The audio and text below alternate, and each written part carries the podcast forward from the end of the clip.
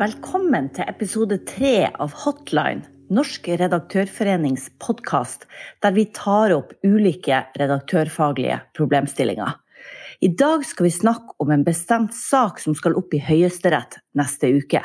En interessant og prinsipielt viktig innsynssak som Norsk redaktørforening og Norsk journalistlag har engasjert seg i. Sammen med VG har vi nemlig saksøkt selveste Riksadvokaten. Vi skal også snakke om verdien av innsyn generelt, og skal gi noen råd med utgangspunkt i denne saken. Jeg heter Reidun Kjelling Nybø, og har som vanlig med meg min kollega Arne Jensen.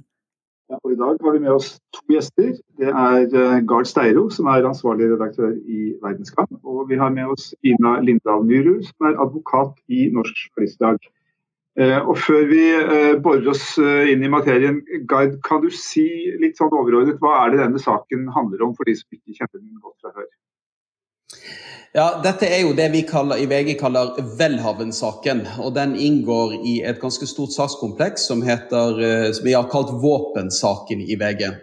Og Kort fortalt så dreier den seg om at uh, i uh, de siste årene så har en rekke våpen forsvunnet fra Forsvaret. Det er våpen som skulle ha vært eh, destruert eller på annen måte tatt vare på. Og så har det vist seg at disse våpnene har dukket opp hos våpensamlere, til en viss grad hos kriminelle, og iallfall forsvunnet ut eh, av eh, Forsvarets kontroll. Og Det som er spesielt her, det er at noen av disse våpnene de har havnet hos uh, tjenestemenn i politiet og i Forsvaret, og til dels en del tjenestemenn som har Eh, som har ganske høye posisjoner i politiet. Og VG har forsøkt å ettergå disse sakene og funnet ut hva som har skjedd. Og vi har særlig vært opptatt av en del av de sakene der eh, de har vært etterforsket, men har blitt henlagt. Og Den saken vi går til Høyesterett sammen med NR og NJ nå, er jo en av de sakene som vi ønsker virkelig å komme til bunns i. Det er jo høyst uh, uvanlig uh, at uh, mediehus går til domstolene for å få gjennomslag i en innsynssak. Og det koster penger også. hvorfor gjør VG det i akkurat denne saken?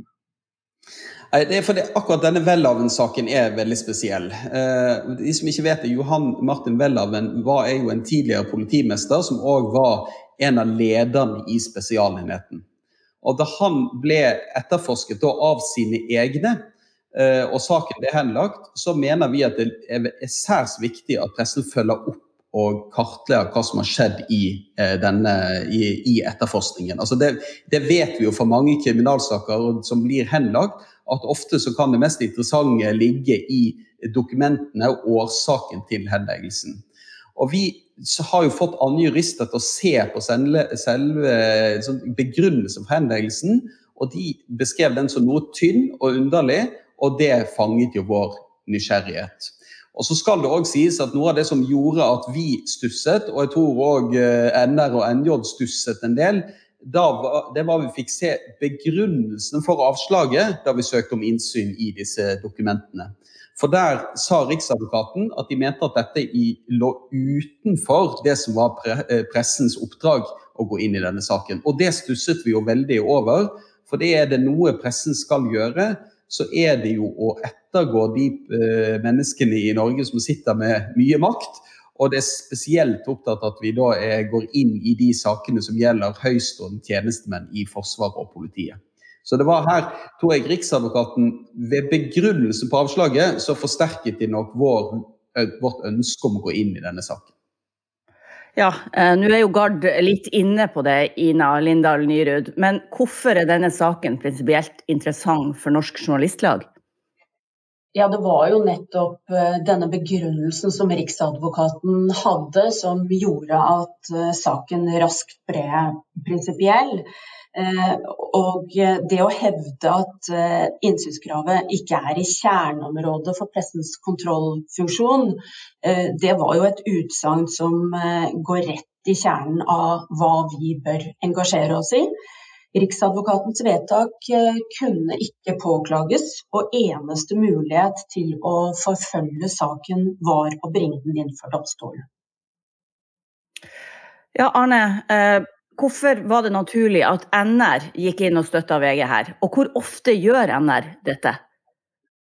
Nei, Vi gjør det jo ikke ofte, men vi gjør det når, når det er eh, prinsipielt viktige saker. Vi gjorde det i, i forbindelse med uh, spørsmål om innsyn i Treholt, uh, altså lydbåndopptakene etter Treholt-saken. Da var vi sammen med, med en rekke norske redaksjoner Eh, og Norsk eh, Presseforbund også, så vidt jeg husker. Eh, og så gjorde vi det i Rolfsen-saken, altså spørsmålet om PSTs beslag av Ulrik Imtias Rolfsens råmateriale til filmen 'Den norske islamisten'.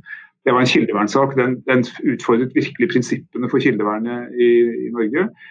Og så har vi vært sammen med Journalistlaget og Presseforbundet i, i spørsmålet om innsyn i, i videoopptak fra Oslo legevakt, hvor en mann døde under pågripelse av, av politiet og så gjør vi det nå. Eh, dette, det som er interessant, og det gjelder både for så vidt den såkalte legevaktvideosaken og denne saken, det er at begge sakene handlet om potensielle lovbrudd eller eh, tjenestefeil fra politiets side. Og sakene ble henlagt, og dermed blir de lukket. Og det, og det som, Noe av utfordringen som Gard Steiro helt riktig var inne på, det, det er jo at da får du en helt annen åpen... Du får, altså, du får, ingen åpenhet. Du får ikke den åpenheten som du får hvis saken kommer for domstolen. For Da er det, da er det åpen rett. og Da legges alt dette bevismaterialet som VG nå forsøker å få innsyn i, det må legges frem i retten. Eh, sånn at alle og enhver kan bedømme det. Mens, mens, politiet kan altså henlegge en sak som handler om en av deres egne. Jeg vet at politiet da vil si at ja, men vi har jo spesialenheten som er uavhengig av alt det der. Jo da, jeg, jeg skjønner det, men i den store tillits debatten i samfunnet, så ser det ikke sånn ut. Det ser ut som at det er politifolk som etterforsker politifolk eh, tidligere, eller eh, kolleger, eller kjenner, folk kjenner hverandre. Eh, og Uansett hvordan du setter opp systemene, så krever det en ekstra årvåkenhet for ikke å ødelegge den tilliten til politiet også. Det som forbauser meg, er at ikke Riksadvokaten ser det poenget, eller så det poenget. Og at ikke regjeringsadvokaten ser det, hvor livsfarlig denne linjen er. Det er en av grunnene til at, at, Redaktørforeningen også har gått inn, fordi vi mener at, at dette handler om helt grunnleggende prinsipper for hele tillitssamfunnet vårt. og det, det, er, eh, det, det må i hvert fall vurderes ordentlig rettslig. Ja, jeg er helt enig med dette. og jeg I likhet med, med Arne så er jeg overrasket over at Riksadvokaten ikke har sett dette poenget. Og så skal det jo sies at VG vet jo ikke om det ligger noe kritikkverdig i denne saken. Vi vet ikke engang om vi har en sak på det som ligger i disse dokumentene. Vi aner ikke hva som ligger i dem. Men hele poenget er at vi kan ikke avslutte vår gransking av denne saken før vi har sett disse dokumentene.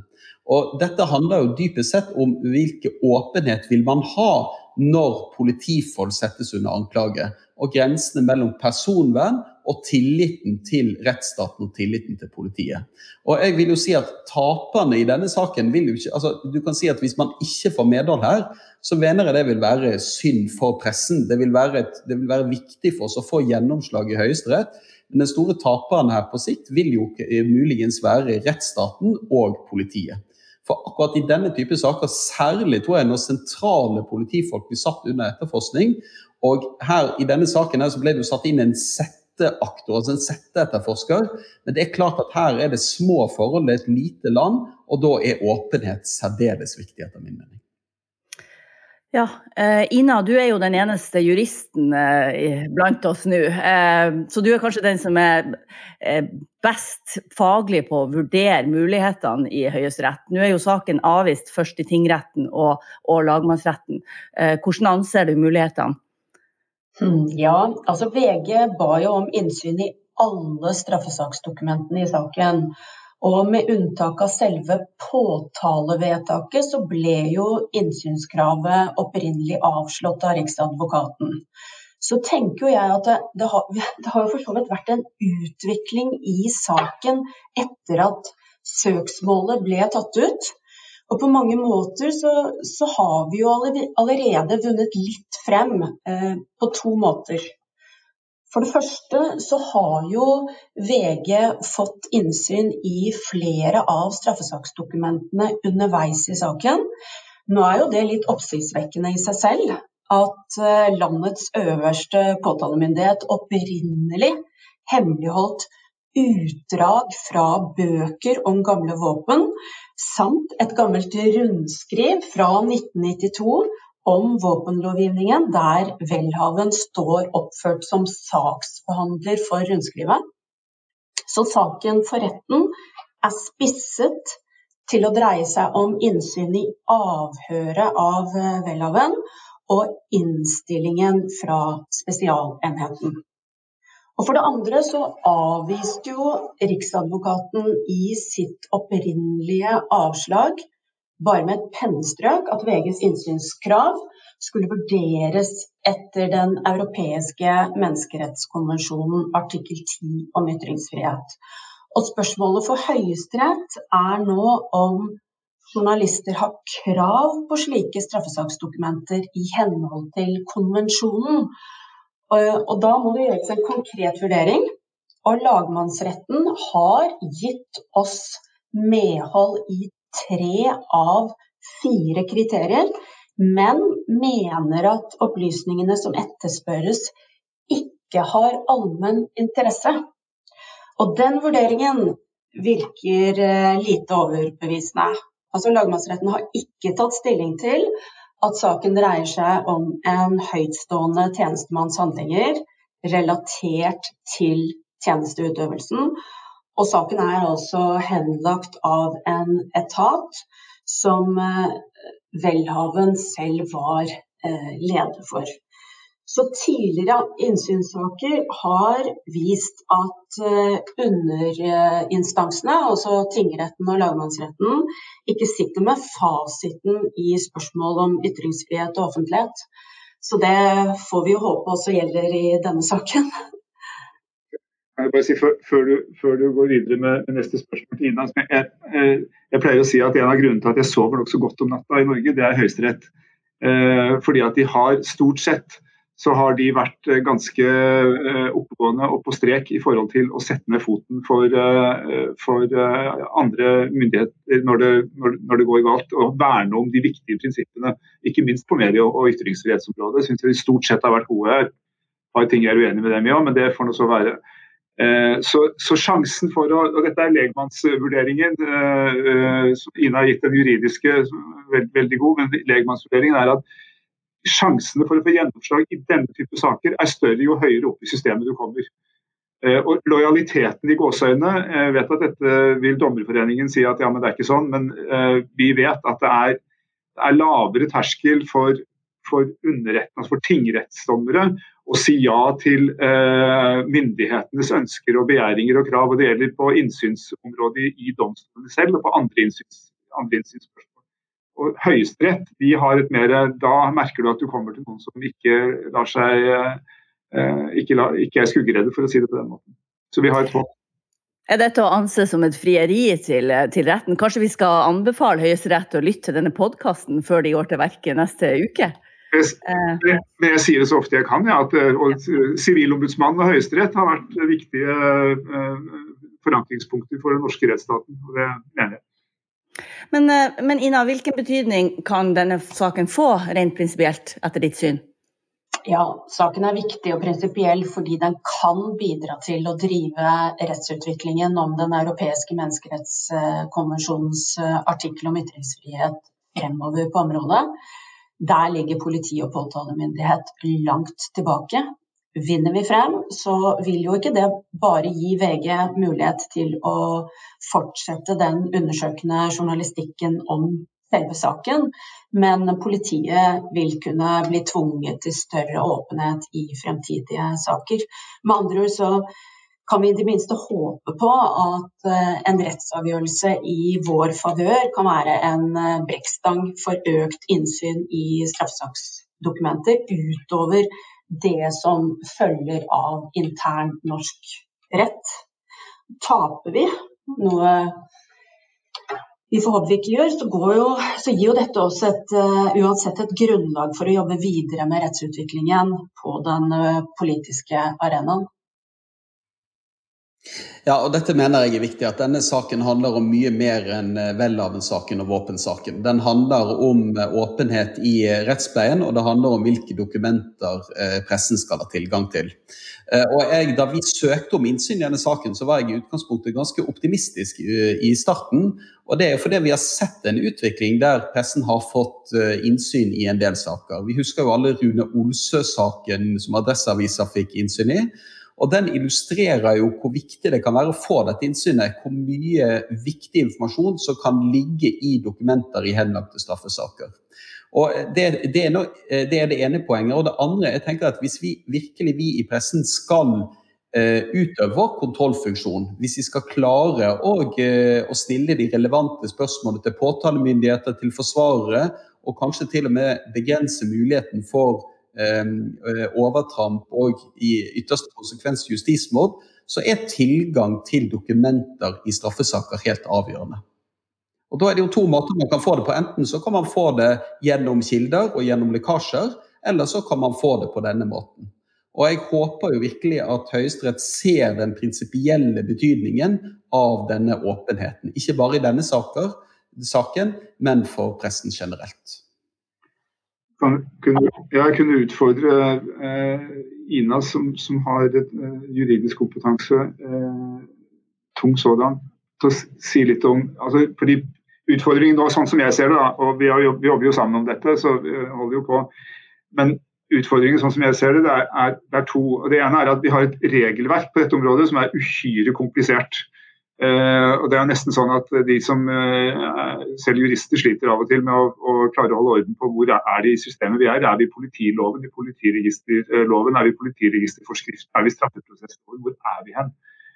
Uh, det er ett problem. Og Det andre problemet er at når du da kommer inn til kjernen i de ulike paragrafene og, det skal vurderes, så viser, så viser det seg at svært ofte så handler dette om litt sånn skjønnsmessige vurderinger fra politiets side. Det er ikke, det er ikke tydelig. og, og og klart hva, hva, det er som skal eh, legges til grunn.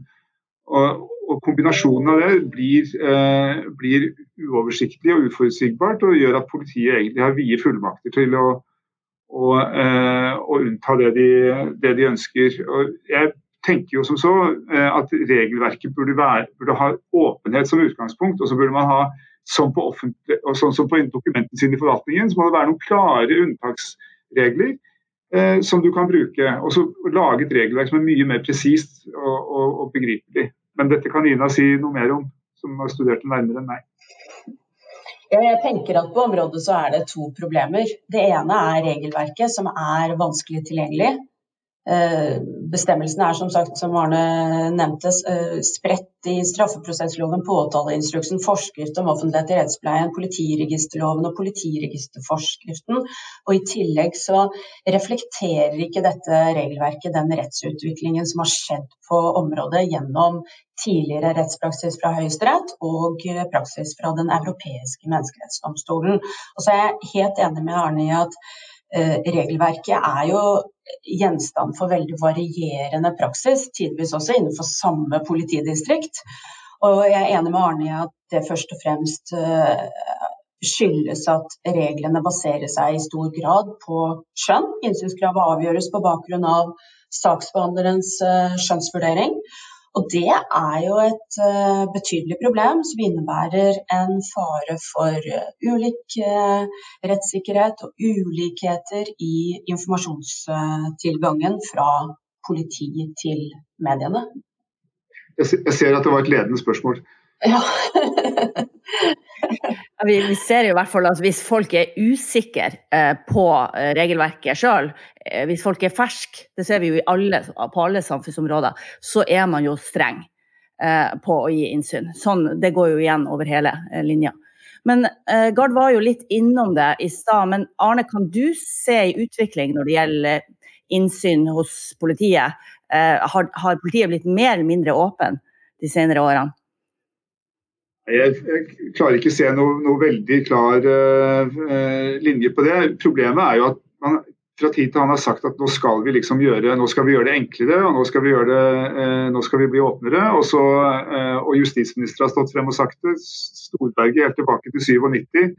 Eh, I kjølvannet av Fritz Moen-saken så skulle man jo vurdere det svenske systemet. hvor I Sverige er det slik at når tiltalebeslutning tas ut, etterforskningen er altså i utgangspunktet avsluttet og tiltale tas ut, så eh, kan hvem som helst eh, få innsyn i det bevismaterialet som ligger til grunn for tiltalen. Med visse unntak. Eh, kan gjøres noen, unntak, men det er hovedprinsippet.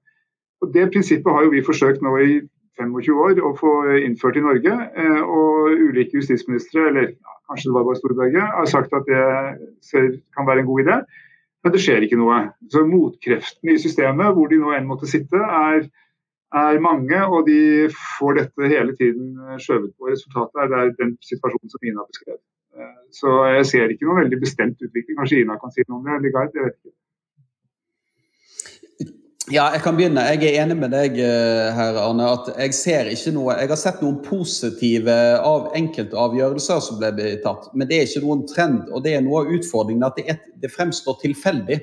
og Det var jo da vi fikk se i denne saken som Ina var innom, at her altså her, her, leverte jo ikke Riksadvokaten ut en del dokumenter du nærmest kunne finne ved å søke på nettet. Altså, så det, virker, det, fremstår veldig tilfeldig hva som blir unntatt offentlighet, og hva man deler ut. Og Det gjør jo det veldig vanskelig for journalistene å eh, jobbe innenfor dette feltet. At man rett og slett ikke vet hva man har tilgang til, og du er egentlig litt eh, er egentlig litt pris, eh, prisgitt nærmest den enkelte da, politijurists oppfatning om hva forhold til offentligheten. Og det er et veldig uheldig system for oss. Så her er det noen på toppen som må sette en tydelig retning, og hvem er bedre til å gjøre det enn Høyesterett? Ja, det er jo noen superbrukere blant uh, krimjournalistene som kjenner regelverket bedre enn mange polititjenestemenn rundt om i landet. Uh, hvert fall, og særlig polititjenestemenn i de mindre politidistriktene uh, så, så, er det også journalister som er flinke til å be om hjelp hvis de ikke kjenner til hvilke innsynsrettigheter de har. Men virvaret av eh, bestemmelser gjør nok at mange føler seg eh, usikre. Eh, særlig de som ikke bruker regelverket så ofte. Så her er det et stort behov for forbedringer av regelverket, slik at det kan bli mer tilgjengelig både for journalister og for uh, polititjenestemenn. Og Derfor så blir det jo spennende da, hva jusprofessor Ragna Aarli vil komme med av uh, nye forslag på området. Hun har fått i oppdrag fra Justisdepartementet og, uh, å utrede nye regler om allmennhetens innsynsrett i straffesaker. Og I mandatet så står det der at hun særlig skal se på om det er behov for egne regler for pressens innsyn i straffesaker. Hun har fått frist med sin utredning til 28.2. Eh, så eh, der tror jeg vi faktisk har muligheter. det er godt å vite at hun har hatt lange samtaler med deg. Ja, visste, altså hun har jo gått ut med dette offentlig da, og sagt at hun har snakket med enkelte i, i, eh, i mediebransjemiljøet og enkelte i riksadvokatmiljøet. Så ja, jeg er blant de heldige som uh, har fått snakket en del med henne. Faktisk ganske mye etter hvert. Så hun er uh, hun har i hvert fall gjort research på å, på å danne seg et bilde av hvor problemene er, og, kan, hva, og hva som er våre ønsker. Men eh, Ina, du var jo innom det her med kompetansen på innsynsfeltet varierer både på, blant, eh, si, i, politidistriktene og, og, blant journalister. Hvordan står det til med, med redaktørene da, Arne? Nei, Det er høyst varierende. og det er jo det store, I det store bildet så er det jo på journalistsiden at den spisse kompetansen sitter. Eh, for det er de som er ute og jobber eh, opp mot etatene. Så vi har jo prøvd fra tid til annen å, å legge opp opplegg som skal bedre også den redaktørkompetansen. Men vi må, vi må jo innse at det vil alltid være sånn at det er de som er ute i den spisse enden, som vil, eh, som vil kunne regelverket og kunne dette best. Eh, men det som redaktørene må kunne og forstå, det er jo ho hvordan, altså hovedtrekkene i systemet. Sånn at man ikke lar seg lure, og at man eh, sørger for å gi, gi journalistene eh, rom og muligheter til å eh, legge inn en ekstra innsats når det er grunnlag for det. Eh, så, så vi skal nok ønske oss bedre kompetanse på redaktørsiden også mange steder. Og det, jeg er redd det er mange redaksjoner som går glipp av ting fordi at de ikke vet helt hvordan det skal manøvreres. Og når usikkerheten brer seg på redaktørnivå, så, så er det ikke alltid at, eh, at, det blir gjort en jobb på journalistnivå. Men jeg tror en av eh, de tingene som nå Ragna Aarli ser på, er å prøve å gjøre regelverket mer pedagogisk. Og prøve å rydde opp i virvaret av regelverk og, og systematisere det litt bedre. Så enkelt at selv redaktører kan forstå det. Altså, jo, så passer det jo å nevne at på presse.no så finnes det veldig mange oppskrifter på klaging. Um, fordi det er jo sånn at i noen redaksjoner, i din redaksjon Gard, så har du eh, journalister som er veldig kompetente på dette feltet. Um, men har du noen råd til andre redaktører på hvordan de kan bli bedre på dette i sin redaksjon? Ja, så for det første så, Som på alle andre områder i livet, så er det jo folk i VG som er flinkere på, på også dette feltet enn meg. og Sånn skal det jo være. Jeg tror Arne har rett i at eh, det er viktig at, at redaktørene kan dette og forstår regelverket og legger til rette for at journalistene får denne kompetansen. Altså, jeg tror det å, eh, det å, eh, be om innsyn, det er en kompetanse vi ikke skal ta lett på. Jeg eh, ser veldig tydelig det i VG. Vi har jo noen det jeg vil kalle superbrukere, noen eksperter på dette i redaksjonen. Og de har bygd opp kompetansen sin lagvis, sak etter sak, år etter år, og blitt veldig, veldig gode på det. Og de, Disse journalistenes kompetanse vil jeg si er et av de viktigste verktøyene VG har i den undersøkende journalistikken. Hvis, dere, hvis, man går inn og leser metoderapportene til Scoop, både fra VG og fra andre redaksjoner, så vil man se at den, noe av den skarpeste og viktigste journalistikken i Norge, den er resultat av, eh, av godt innsynsarbeid. Og så vil jeg påpeke det at dette handler om å kunne regelverket, men det handler òg om å kunne triksene. For du må òg være kreativ når du ber om innsyn. Og Welhaven-saken er jo et eksempel på det. Vi fikk jo i først blankt avslag vi på alle innsyn i denne saken.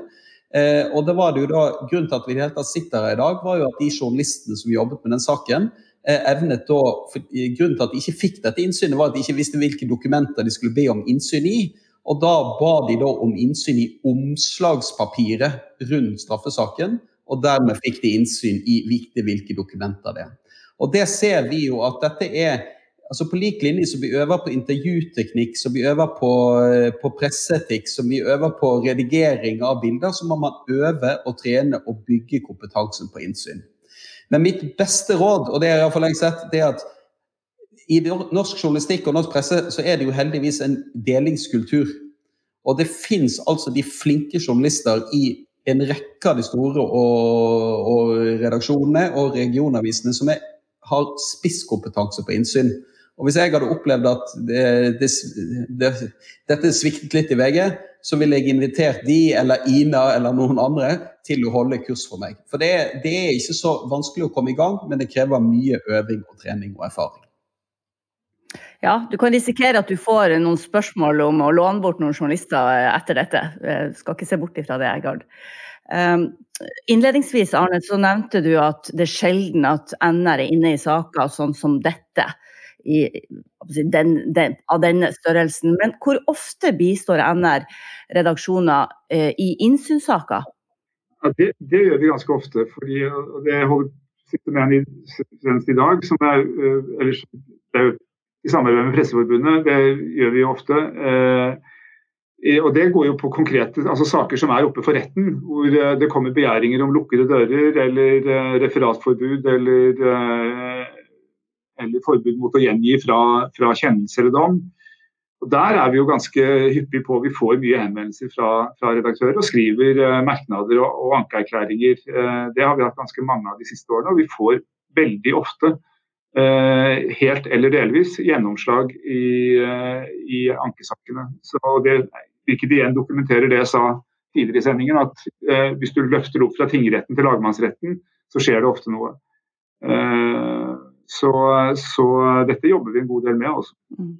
Så kan jeg jo nevne at både du og Ina sitter i Pressens offentlighetsutvalg, som jo er eh, virkelige superbrukere på, på innsynsretten, og som, og som kan være eh, viktige eh, støttespillere eh, dersom man har behov for råd eh, til den enkelte journalist og redaktør.